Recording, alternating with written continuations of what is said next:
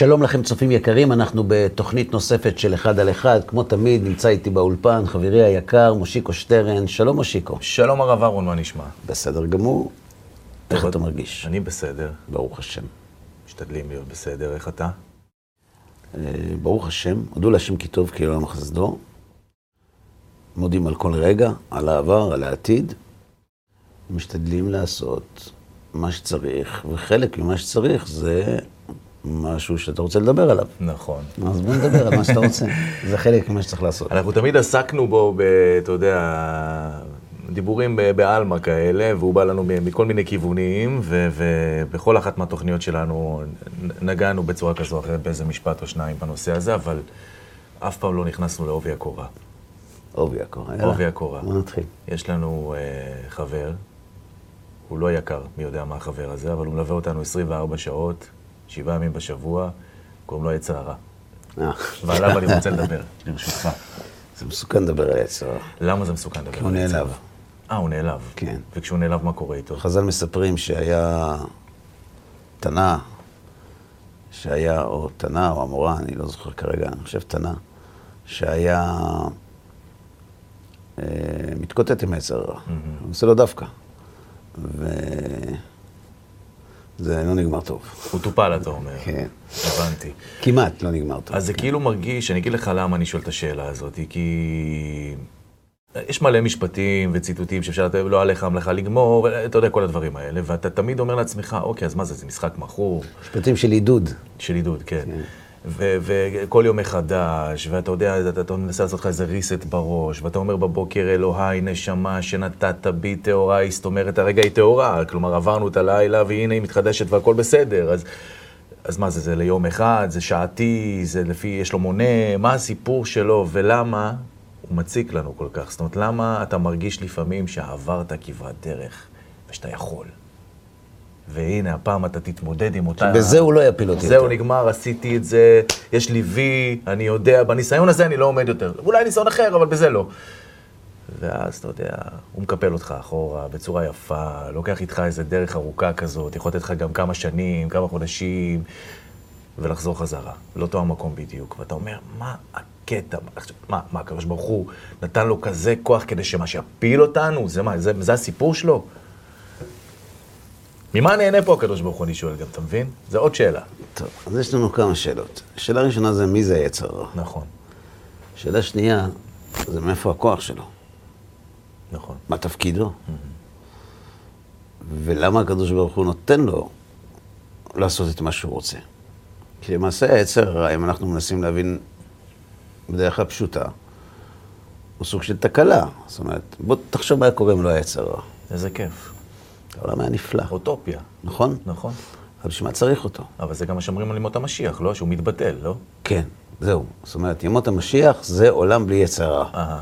גר זאב עם כבש, נמר עם גדי ירבץ, נער קטו נוהג בם, לא יישא גוי אל גוי חרב, זאת אומרת, לא יהיו סוחרי נשק, ו... זאת אומרת, יהיה, יהיה נפלא. על, פניו זה נורא כיף, זו תקווה עצומה מאוד. זה נפלא, נכון? נפלא. בפרט אחרי כל מה שעברנו. לחשוב על זה, אבל אתה יודע מה זה מזכיר לי? מה?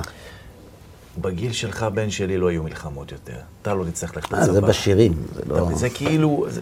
אני מבטיח לך, ילדה שלי קטנה, שזאת תהיה המלחמה האחרונה, והוא כבר בול, בול. מבוגר. ואתה מרגיש שהמלחמה הזאת, אני מדבר על המלחמה איתו, היא מלחמה בלתי נגמרת. אתה יודע, מלקרוא את התהילים של דוד המלך ולראות איך הוא התמודד איתו ועד אלינו היום, זה...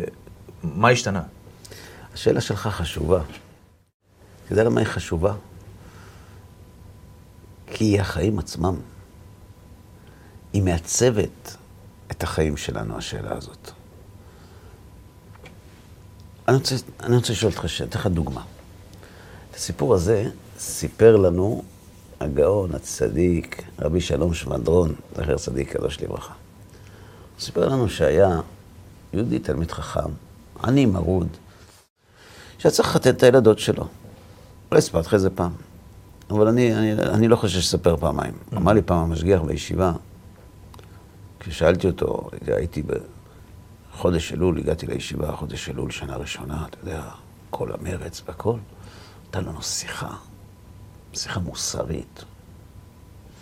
מה אני אגיד לך, מושיקו? אתה יוצא בן אדם אחר. בן אדם אחר. באמת, כל החודש הזה, חודש אלול היה חודש מרומם, וראש השנה וכיפור, אתה יודע, ואז מגיע השנה, כמו שאתה מספר, אתה חוזר חזרה, מגיע חודש אלול הבא. עוד פעם שיחה. נכנס לשיחה, אתה אומר, אם שנה קודמת זה מה שקרה, השנה הולך להיות, משהו... אני מקשיב. מוכר לי. אותה שיחה, אותם מילים, אחד באחד. כן. אמרתי, טוב, אולי הרב שכח. קורה.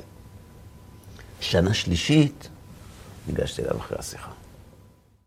אמרתי לו, כבוד הרב, אני רוצה להבין. אני מבין שכל שנה בחודש נול הרב נותן את אותה שיחה. הרב חושב שאנחנו לא זוכרים את השיחה. בשנה שעברה, הרי, הרי השיחה חרתה בנו. הדהדה. כל כך ליוותה אותנו כך הרבה זמן. זה משהו שאי אפשר לשכוח אותו. אז בשביל מה הרב חוזר על זה עוד פעם?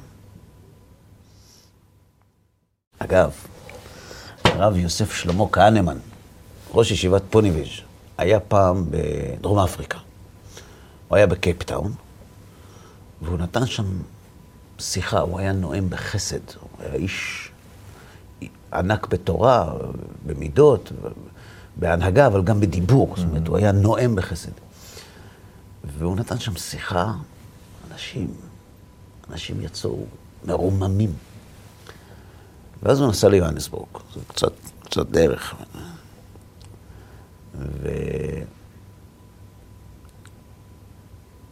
והוא נתן שם שיחה אחרת.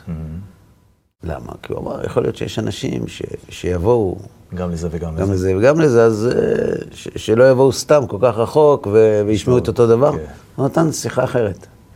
באו אליו חלק מהאנשים שהגיעו מרחוק, אמרו לו, כבוד הרב, אנחנו באנו מרחוק כדי לשמוע את אותה שיחה, למה הרב נתן שיחה אחרת? מה אתה למד מזה? ששיחה זה לא מוזיקה. כן. כשהשיחה המוסרית פועלת על הנפש, גם אם תשמע אותה פעמיים, היא תפעל עוד פעם. כי דברי אמת הם לא חד פעמיים. זה כמו לשנות את- בגמרא וכל הדבר הזה. זה נכון, נכון. אין הדומה השני פרקו מאה פעמים, לשני פרקו מאה ואחת פעמים, נכון מאוד. אז אני שאלתי את הרבי שלי, עוד לא ידעתי סיפור על הרב כהנמן, אז שאלתי אותו, למה? אז הוא אמר לי, אני למדתי מהרדיו. אני לא ידעתי שהוא יודע מה זה רדיו. הוא אמר לי, תראה, לפני הרדיו, לפני החדשות יש פרסומת. אחרי החדשות יש את אותה פרסומת. ופרסומת עולה כסף, אז למה הם משלמים פעמיים? סימן שאם אומרים פעמיים זה עובד יותר. כך הוא אמר לי. זאת אומרת, זה משפיע. כן. זה משפיע. סיפר לנו הרב שמדרון, יהודי צדיק, עובד השם, היו לו שתי בנות. כך שגם אם סיפרתי לך את זה פעם, אז אני בונה על הרבי שלי ועל הרב קרנמן, שאני חוזר על זה. בסדר גמור. והיו לו בנות לחתן, ולא היה לו כסף, כמו לכל הצדיקים. אז הוא הלך לרב שלו, הוא אמר לו, רב, אני רוצה ללכת לאסוף הכנסת כלה. תן לי המלצה, שאנשים אנשים לא מכירים אותי. אתה מכיר אותי, אתה יודע שאני באמת צריך. אז תן לי המלצה, נתן לו המלצה. הלך, אסף כסף, אולי 300 מטבעות, המון כסף, במונחים שלו, שהיו כרוכים בהרבה ביזיונות, בהרבה בושה ובהרבה תלאות. ו... ואז, בדרך חזרה הביתה, הוא עצר באיזה פונדק, והוא שומע המולה. יוצא החוצה, רואה, יש מוזמנים, יש קופה, יש חתן, יש כלה, יש תזמורת, אין חתונה. מה קרה? אמר לו, תשמע, אבא של הכלה התחייב לתת נדוניה. ואבא של החתן אמר ש... ש... שייתן.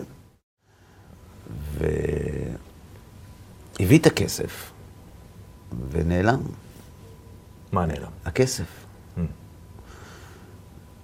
והוא לא מוכן להתחתן, עד שיביאו לו את הכסף. הוא אמר, "אתם הבטחתם, תקיימו, אחרי החתונה מסתכל עליי. כמו שאתה מגיע לקצין לשכת גיוס, אמרו לו, תשמע, אני לא יכול, פתחתי עסק, אשתי בהיריון, וזה, הוא אומר, בוא, תעלה לאוטובוס זה, בבסיס, כן. הוא יטפל בך. מכיר את זה. כן, זה- סיימ- ידאגו לך. ככה סיימתי נהג. ככה ידאגו לך. אמר, אני לא מוכן, אין חתונה עד שאין כסף. שאל הצדיק, כמה כסף זה? אמרו לו, איקס. ואיך זה, איך זה מחולק, איך זה... אמרו לו, היה ככה, היה כאלה מטבעות כאלה, קצת בדולרים, קצת בשקלים, אתה יודע. ובארנק, איך היה הארנק, הכיס של המטבעות. צבע ירוק, אה, עמוק. הלך. לקח את הכסף שלו, סידר אותו בכיס ירוק עמוק, וסידר אותו לפי הדולרים והשקלים. ובא עם זה ביד, ואומר, מצאתי! כולם נשקו אותו, חיבקו אותו, אמרו לו, אין הרבה כמוך, אם היה עוד אחד כמוך, המשיח היה בא. בקיצור, הוא אומר, תראו, אבל אני, אני, אני מחזיר, אבל אני, יש לי תנאי. יש פה 300, אני רוצה 10 אחוז. אמרו לו, מה 10 אחוז? הוא אומר, "שמעו, 10 אחוז, בכל אופן, בזכותי יש חתונה, אני רוצה 10 אחוז. תשמע, זה לא עובד ככה. ואבא של החתן אומר, שקל לא פחות. לדבר על ליבו ועם את הרב של המקום, אמר לו, תשמע, זה מצווה, אתה רוצה להחליף שכר של עולם הבא בעשרה אחוז, תהיה בן אדם, אתה הרי בן אדם טוב, מחזיר אבדה, הוא אומר, לא מוכן, אני רוצה עשרה אחוז. אתה יודע מה קרה בסוף? הרביצו לו, לקחו לו את הכסף, עשו חתונה. והוא חזר הביתה. כן. עם הרבה סימנים ובלי כסף. עברו כמה זמן, ימים, או לא יודע מה, הרב של העיירה שמה פגש את הרב שלו. אמר לו, איזה תלמידים יש לך? בן אדם מוצא כסף, חתונה מתעכבת, רוצה עשרה אחוז, שיתבייש לו. אלה התלמידים שלך? הרב, היה נראה לו קצת מוזר הסיפור, אבל אני, אני אשאל אותו. אז הוא קרא לו, אמר לו, מה, מה היה הסיפור? הוא אמר לו, לא משנה, לא משנה. מה זה לא משנה? ככה לא מתנהגים. כן, משנה, לא משנה. אמר, תגיד לי מה היה. עכשיו הוא אומר, תגיד לי מה היה, נגמר, אתה חייב להגיד. אז הוא אומר לו, תראה, כשאני שמעתי שאין חתונה בגלל כסף, חזרתי לחדר שלי ושאלתי את עצמי, מה אני עושה? מצד אחד יש לי כסף לילדות שלי ואני ערך הקודמים. ומצד שני, אולי זה ניסיון. אתה דיברת על עץ הרע, לא? אולי עץ הרע מנסה אותי, לראות אם אני אעדיף את עצמי או אעדיף את הצער של, של, של האנשים האלה. כן. החלטתי שאני מתגבר, נכון שהתאמצתי, נכון שהכל, הקדוש ברוך הוא ידאג לי, אני מאמין בהשגחה פרטית, אני הולך לתת להם את הכסף. אבל אז הרע בא אליי, איך אמרת? 24-7. כן. נותן לי על הכתף, אומר לי, אתה, אתה עשר, אתה אין כמוך. אתה צדיק אמיתי, תראה, אתה לא מכיר צורת מטבע, לא עושה לך חשבון וזה, אתה הולך לתת את הכסף, הרי אנחנו שנינו יודעים כמה התבזית והכל, ואתה בכל אופן הולך לתת את הכסף. השם יעזור לך בטוח, אתה צדיק גדול. אמרתי לעצמי, מה, הוא רוצה להפיל אותי גם עכשיו? לא מספיק, בהתחלה אמר לי, אל תיתן. עכשיו הוא נותן לי מכה לכתף, אומר לי, לך תיתן, אתה כל הכבוד. אמרתי, אני חייב להחזיר לו. מה אני עושה? לא לתת את הכסף, זה לא נכון, אני רוצה לתת. לתת את הכסף, אני צריך להתמודד איתו. אמרתי לו, אני הולך לעשות לך סיפור עכשיו.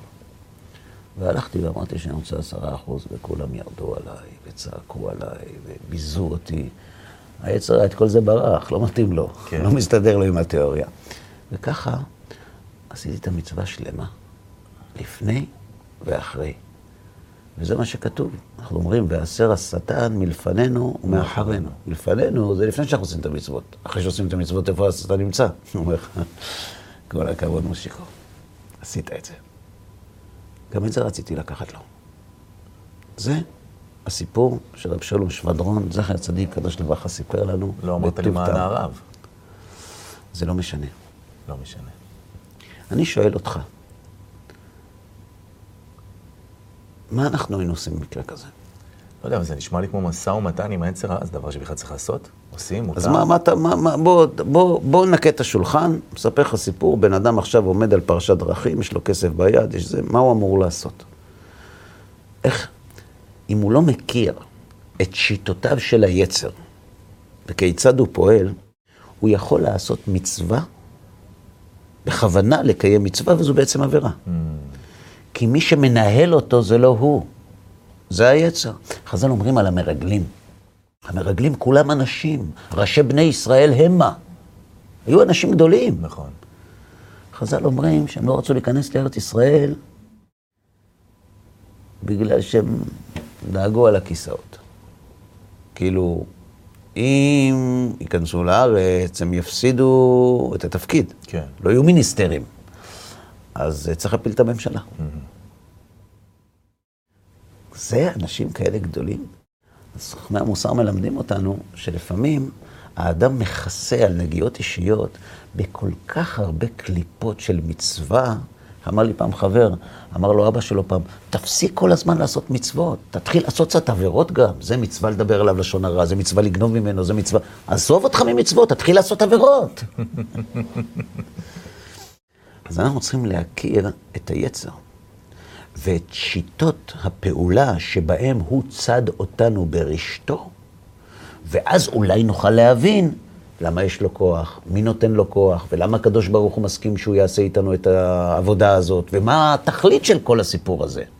אז אני רוצה בהצבעה לשאול שאלה. כן. קודם כל, זו הקדמה מדהימה, שרק מסבכת אותי עוד יותר, כי בעצם מה, שאתה אומר לי פה, זה שאנחנו צריכים חושים, כנראה על-טבעיים, לזהות את המזימות של הדבר הזה שנקרא היצר הרע.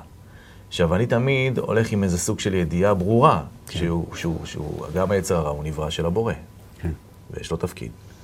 וכנראה שככל שהוא מצליח יותר, הוא עושה תפקידו טוב יותר. זאת אומרת, למעלה בשמיים יש לו כזה טינג, טינג, טינג בקופה, כזה, אתה יודע, כן. בכל פעם שהוא מצליח. שהוא עשה מכירה. כן. כן. אנחנו מסיימים, אנחנו והוא, למעלה, כשנגיע, באיזה חיבוק בסוף, מה הולך שם בסוף? אתה מבין מה אני מתכוון? זאת כן. אומרת, זאת מין- אומרת, אנחנו חברים או אויבים? כן. חז"ל אומרים שהיצר שמח שמנצחים אותו. כי המטרה של היצר זה לא להכשיל אותנו, זה להביא אותנו להתגבר עליו. זאת אומרת, מתי הוא מבצע את תפקידו? כשניצחנו אותו, לא כשהוא ניצח אותנו. לכן כל פעם שהוא מנצח אותנו, הוא מתוסכל. אבל אנחנו צריכים, אנחנו מקדימים את המאוחר. אנחנו קודם כל צריכים להבין מה זה. אוקיי. עכשיו, אני רוצה עוד נקודה אחת להגיד. למה זה כל כך חשוב? מה זה כל כך חשוב? תראה, אנשים זורמים, עושים מה שבא להם, היצר שאין יצר, לא יצר, הכל בסדר. איכות החיים שלנו, האושר שלנו בחיים, בנוי מהרבה מאוד מרכיבים. זאת אומרת, כשאני מרגיש מאושר, זה לא בגלל א' או ב', זה בגלל שילוב של מצרף. אתה יודע מה זה מצרף? פאזל. כן. הרבה הרבה חלקים מתחברים יחד, וכשהם מחוברים אני מאושר. כי אם יש לי חסרונות, אז כשהחיסרון הזה מתמלא וזה לא, אז האושר לא שלם. כשזה מתמלא וזה לא, אז גם האושר לא שלם. זאת אומרת, צריך פה איזו כן. חבירה של הרבה מאוד כוחות יחד. אחד הגורמים הכי משפיעים על איכות החיים שלנו, זה הדימוי העצמי שלנו. לדימוי העצמי שלנו נודעת חשיבות גדולה באיכות החיים, כי למעשה איכות החיים ממנו היא באה, מהאני. אני מעריך שחיי איכותיים ולכן אני מאושר. כלומר, האני הוא זה שקובע כמה הוא יהיה מאושר. ולכן כשהדימוי העצמי, שהוא האני שלי, הוא סך כל האני שלי, הוא לא חיובי בעיניי. זו מכת מוות לאיכות החיים. נכון. אני אפס. עכשיו אני רוצה לשאול אותך שאלה. כשהיצר מנצח אותי, ואני נכשל, מה זה אומר לי? עם איזו תחושה אני מסתובב? החמצה, דיכאון, אה, אני לא שווה כלום. אלו הן תופעות הלוואי. כן, נכשלתי, אין לי מילה, כן. אני אפס. מפילים אותי בקלות. וככל שהאפסים האלה מצטברים על הכתפיים, כשאדם עומד מול המראה, גם אם יש לו כל מה שהוא רוצה, לא שווה כלום. וכל זה איננו שווה לי. נכון. המן הרשע, כך כתוב במגילת אסתר, מספר לזרש אשתו ולכל אוהביו את כל אשר גידלו המלך, כל כבוד אושרו ורוב בניו. זאת אומרת, הכל מושלם, חוץ מדבר אחד. ויש איש אחד, שכשאני עובר לידו, עושה לי דווקא. מרדכי. מרדכי. מוציא אותי מדעתי, וכל זה איננו שווה לי. כנס לפרופורציות, אדוני.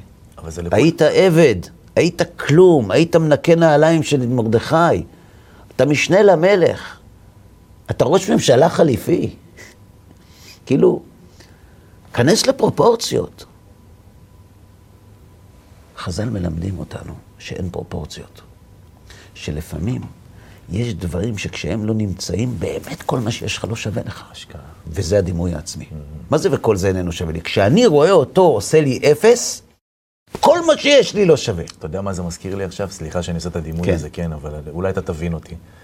אתה מכיר את זה שאתה נוסע על אוטו חדש יחסית, ואז פתאום צץ לו איזה רעש קטן, יכול להיות גם מהפלסטיק או מאיזה לא יודע, ואתה לא מוצא מאיפה זה בא, וזה בנסיעה כזה, וזה בזז, כזה קטן כזה, שאתה... מוציא אותך מדעתך. אתה לא יכול יותר, אתה- אתה- אתה- בא לך למחוק את האוטו, אתה נוסע באוטובוס. ממש. אתה מבין למה אני מתכוון? כן. אז כשזה קורה לדימוי העצמי ולא לדשבורד של האוטו, זה, זה ממוטט לך את כל הדימוי העצמי. זה, זה לא חייב להיות בעניינים דתיים. זה יכול להיות, מהיום אני מתנהג עם אשתי אחרת. מהיום אני מתנהג עם הילדים אחרת. נכון. מהיום אני מתנהג עם בני אדם אחרת. מהיום אני לא אוכל סוכר. מהיום אני עושה דיאטה. מהיום אני מתחיל לעשות ספורט.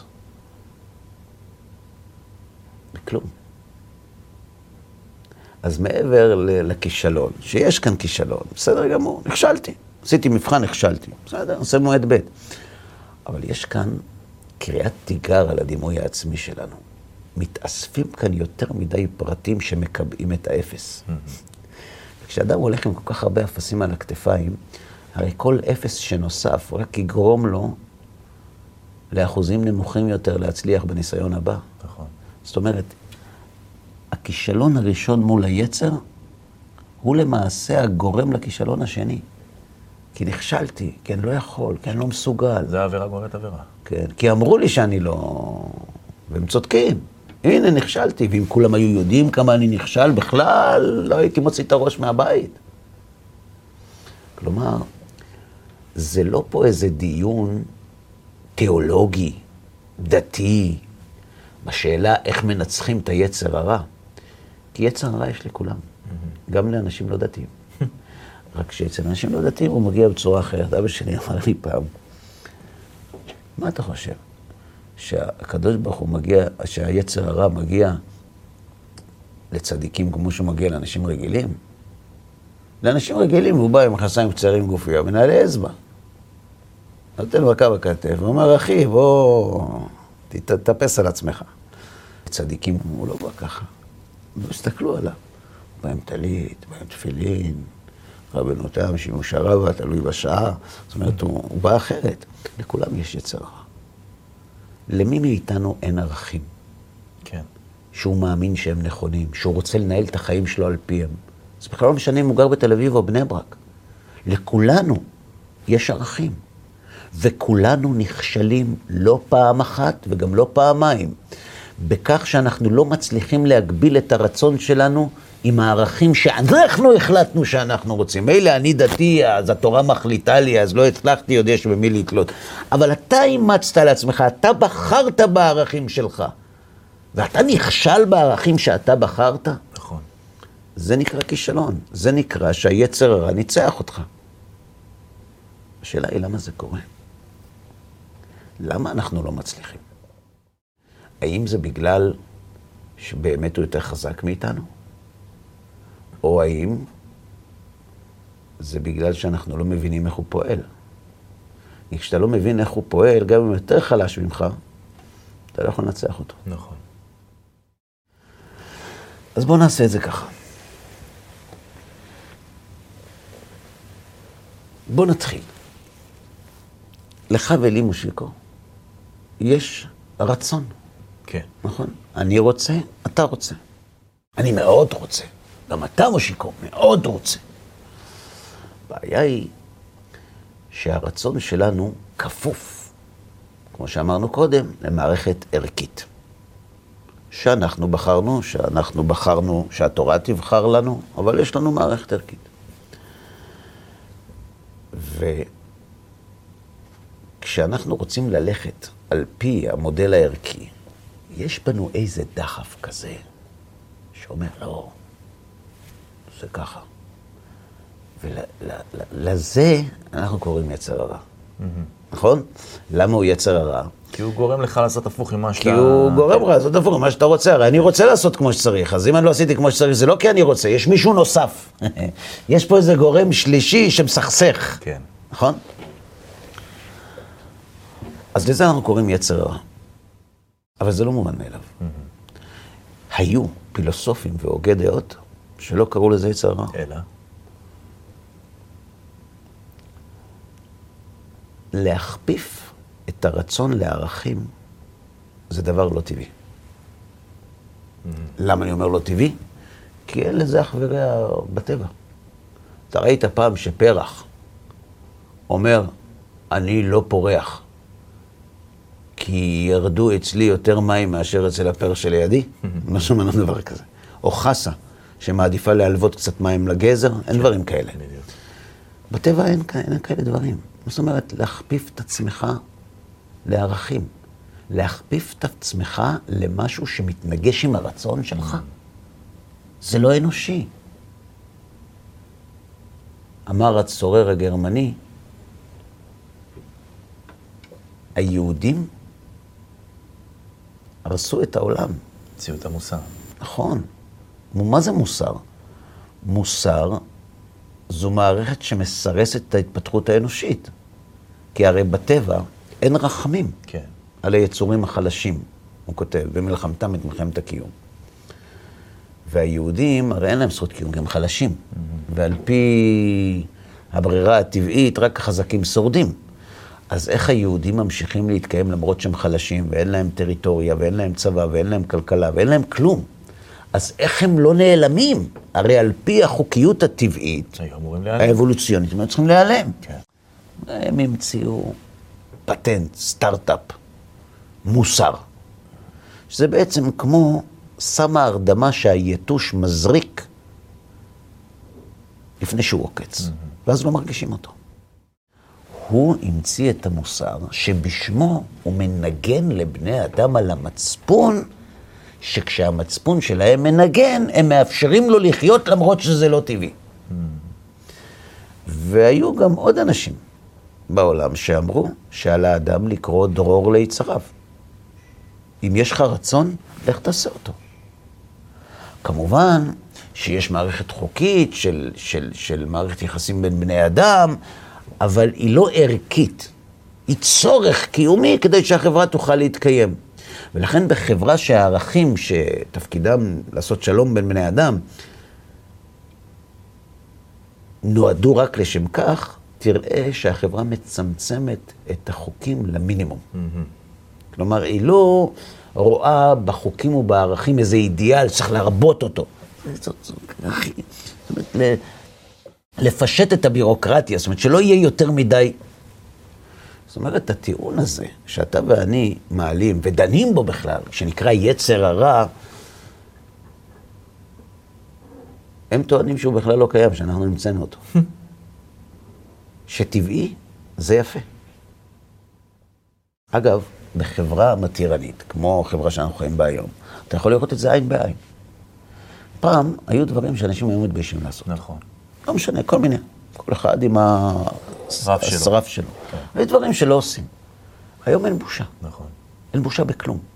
אין בושה ברחוב, אין בושה בפוליטיקה, אין בושה בכלום. אתה אומר ככה, עושה ככה, ואם אומרים לך, תראה שאתה נראה, אז אתה אומר, זה מי שאני. זה מי שאני. זה חופש הביטוי. אני, אני, אני מבטא, נכון? אני מביא לידי ביטוי את האישיות הייחודית שלי בדרך שאני מוצא לנכון. זה יכול להיות, אה, אה, יכול להיות באף, אה, זאת אומרת, לא יודע, זה, זה יכול להיות כל דבר. מי אתה שתגיד לי מה נכון ומה לא נכון? כלומר, בעולם שבו הערכים נועדו לשרת את החברה, בעולם כזה, הכל בסדר. כל עוד אתה לא פוגע בזולת, תלך הפוך על התקרה, זה גם טוב. אם זה עושה לך טוב, אנחנו בעד. כלומר, המושג יצר הרע הוא מושג שאצל אנשים, אנשים מסוימים ממציא את עצמו. זאת אומרת, בגלל שהחלטתם שיש דבר שהוא רע, ויש לך דחף לעשות את זה, ואתה נכשל, אז אתה אומר שיצר הרע ניצח אותך. אני החלטתי להגיד שאין ג'ירפות.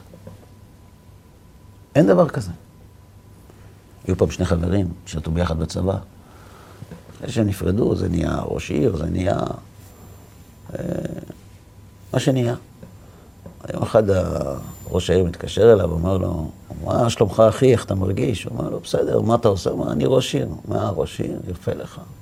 לא משעמם? הוא אומר לו, לא. מה אתה עושה? הוא אומר, אני, יש לי גן חיות. הוא אומר לו, גן חיות? איפה? הוא אומר לו, ב... בנהריה צפון. ומה יש בגן חיות שלך? הוא אומר, כל החיות בעולם. כאילו, כן. בסדר, יש שפנים, כן. אבל איך כל החיות בעולם? אז הוא לא רצה להעליב אותו, בכל אופן חברים, הוא אומר, מה, כל החיות? הוא אומר, כן. הוא אומר לו, וג'ירפה יש? הוא אומר לו, מה זה ג'ירפה? הוא אומר לו, ג'ירפה זה, זה מין חיה כזאת שהיא שניים וחצי מטר עד הצוואר, ושניים וחצי מטר עד הראש. הוא אומר לו, אני הרבה שנים בתחום, אין חיה כזאת. לא מה זאת אומרת אין חיה כזאת? הוא אומר לו, אין, אין ג'ירפות. הוא אומר לו, אני אומר לך שיש. הוא אומר לו, בוא נתערב, הוא אומר לו, בוא. הוא לקח אותו לספארי, הביא מטר, נכנס פנימה, מודד, אומר לו, יש שתיים וחצי לצבא? הוא אומר לו, כן. הוא אומר לו, יש שתיים וחצי לראש? הוא אומר לו, כן. הוא אומר לו, אז מה אתה אומר על הנתונים? נו. אז הוא אומר לו, תשמע, הנתונים באמת מלמדים שאתה צודק, אבל תכלס אין ג'ירפות. אין יצר הרע. כי אם אני עושה מה שאני רוצה, אז אין יצר הרע. כי זה מה שאני רוצה. בדיוק. מתי היצר הרע מגיע? כשזה לא מה שאני רוצה. יצר הרע מגיע זה כשאני מבין שאני לא יכול לעשות כל מה שאני רוצה, ולמרות שאני מבין את זה, אני בכל זאת רוצה לעשות, ונלחם עם עצמי ומפסיד, ואז אומר, יש כאן יצר הרע שמסית אותי. כאן אנחנו מגיעים אל קצה החוט באשר לזהותו של היצר הרע, ויש הפתעות. אוקיי. אנשים חושבים שיצר הרע זה איזה משהו חיצוני כזה. כן. זאת אומרת, היה גן עדן. גן עדן היה. היה איש והייתה אישה, ולא היה חם וחמות. בקיצור, היה גן עדן. כן. ו... ואז הגיע הנחש. שהוא בעצם היצר וכשהוא, כן, וכשהוא הגיע, הכל התמוטט. כן. הוא בא לחווה ואמר לה, תראי, אולי בכל זאת, תאכלי, ואכלה. שידל, פיתה וכולי. כן, ואכל, והיא, לא, הוא לא אכל, היא אכלה. וכיוון שהיא הבינה שאחרי שהיא אכלה, היא תמות. והיא הרי לא מסכימה שבעלה יתחתן עם מישהי אחרת, גם אם היא יודעת שאין, אז היא נתנה גם לו. ואז, כשהקדוש ברוך הוא שואל את אדם הראשון, למה אכלת מעץ הדעת? אז הוא אומר, האישה אשר נתת עימדי. זאת אומרת, אל, אל תתלונן עליי, ריבונו של עולם, זה, היא. זה היא. זה הוא שלא בירך. כן, בדיוק. ו... והאישה מה? אז היא אומרת, הנחש אישי אני ואוכל. זאת אומרת, הוא פיתה אותי, הנה. הנה היצר הרע. היצר הרע זה נחש כזה, נחש נחש, שעומד מולנו ועושה לנו סימנים. היצר הרע זה אנחנו. או, וואו. כן, אני שמעתי בתוכנו, אבל זה אנחנו? אנחנו. אנחנו, אנחנו? אנחנו, אנחנו. חכמי המוסר מלמדים אותנו, כך כותב רבנו אלופיאן, וכך הסביר גם מורי ורבי, המשגיח זכר צדיק לברכה, שיש שני סוגים של יצר הרע. יש יצר הרע גשמי, ויש יצר הרע רוחני. כן. יש יצר הרע שהוא התאוות שלנו, שלא מסתדרות עם מה שכתוב בתורה, וכשהן מתגברות אנחנו נכשלים. יפה. אבל זה לא איזה יצר, זה אנחנו. כן. אה. יש יצר הרע רוחני. יש מלאך שהוא יצר הרע. או, או. מה זה? אם היצר הרע זה אני, אז איך נהיה פתאום מלאך? מסתבר שאם נדע להגדיר נכון מהו יצר הרע, נוכל לבחון את דברי חכמינו שאמרו שיש שני יצר הרע, אחד גשמי ואחד רוחני, ולראות שבעצם הם אחד ואין הבדל ביניהם, למרות שיש אחד גשמי ואחד רוחני, ושניהם זה אנחנו. שיבחת אותי לגמרי. קודם כל, אתה התחלת. ודבר שני, יצר הרע זה לא קובייה הונגרית. כן. זה עסק רציני. זה צריך להבין איך זה עובד. אז אה, ברוכים הבאים לסדרה חדשה, כמו שאתה אומר. לא, סדרה, אבל אתה יודע, יותר מדי לדבר על עץ הרע זה גם לא טוב. כן. אבל כדי להבין, הרמב"ם כותב שההבדל בין החכם לכסיל זה לא בתחומי ההתעניינות. כך כותב מורה נבוכים. תחומי ההתעניינות של הכסיל והחכם זהים. כסיל זה לא טמבל, אלא? זה לא טיפש, זה שטחי. אה, הכסיל בחושך הולך. למה הולך בחושך? כי הוא שטחי. הוא קצת מכל דבר. הוא לא... זאת אומרת, הוא ויקיפדיה. זאת אומרת, הוא לא... תן לי את הכותרות. כן. והרמב"ם אומר דבר כזה. אם אתה קורא ספר, וכותב הספר הוא בן אדם רציני, מספיק כדי שתקרא את הספר שלו, והוא כותב הקדמה. מה זה אומר?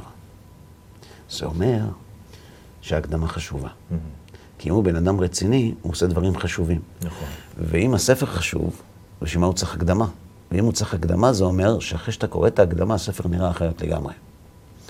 אומר הרמב"ם, אם תשאל את הכסיל ברחוב, בשוק, אם מעניין אותו, מה יהיה הנשמה? ומי הם המלאכים? ומה הם גרמי השמיים? ומה יקרה עם הנפש לאחר צאתה מן הגוף? ועוד שאלות מן הסוג הזה, ומה זה יצר רע? יאמר לך, ודאי, בלי ספק, מעניין אותו. אבל אם תדרוש ממנו להקדיש מהחיים שלו כמה ימים לשם כך, הוא יבקש שתאמר לו זאת ברגע אחד ובשניים. יפה. החוכמה, אומר הרמב"ם, זקוקה להקדמות רבות. ואם לא מתאים לך הקדמות, אז תחפש תחום אחר, כי החוכמה זקוקה להקדמות. אם אתה ניגש ישר לחוכמה בלי ההקדמות, אין לך את הכלים כדי להכיל וכדי להבין וכדי להעמיק בתוך החוכמה. לכן, אתה מבקש שנדבר על מיהו היצר הרע, על מה תפקידו, על מהיכן הוא שואב את כוחו.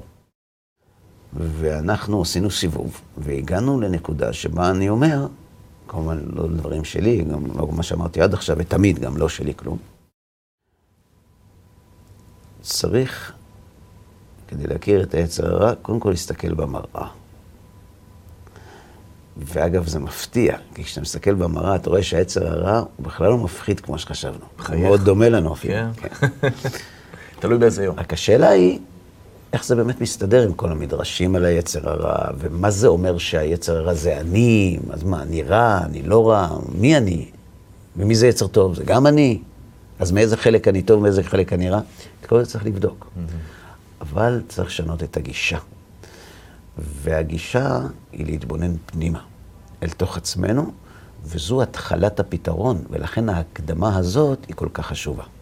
בעזרת השם, בפעם הבאה, תוכנית הבאה בעזרת השם, אה, נתקדם שלב נוסף, בניסיון להבין מיהו היצר הרע. טה-טה-טה-טם. בסדר? בעזרת השם. מושיקו, תודה רבה שבאת. תודה לך, רבנו. תודה על הנושא החשוב שאתה מעלה כאן. תודה רבה גם לכם, צופים יקרים, שהשתתפתם איתנו בעוד תוכנית של אחד על אחד. אנחנו מאוד מודים לכם שהייתם איתנו, מאוד מקווים שהדברים היו לתועלת, ובעזרת השם ניפגש כאן שוב בתוכניות הבאות. כל טוב לכם.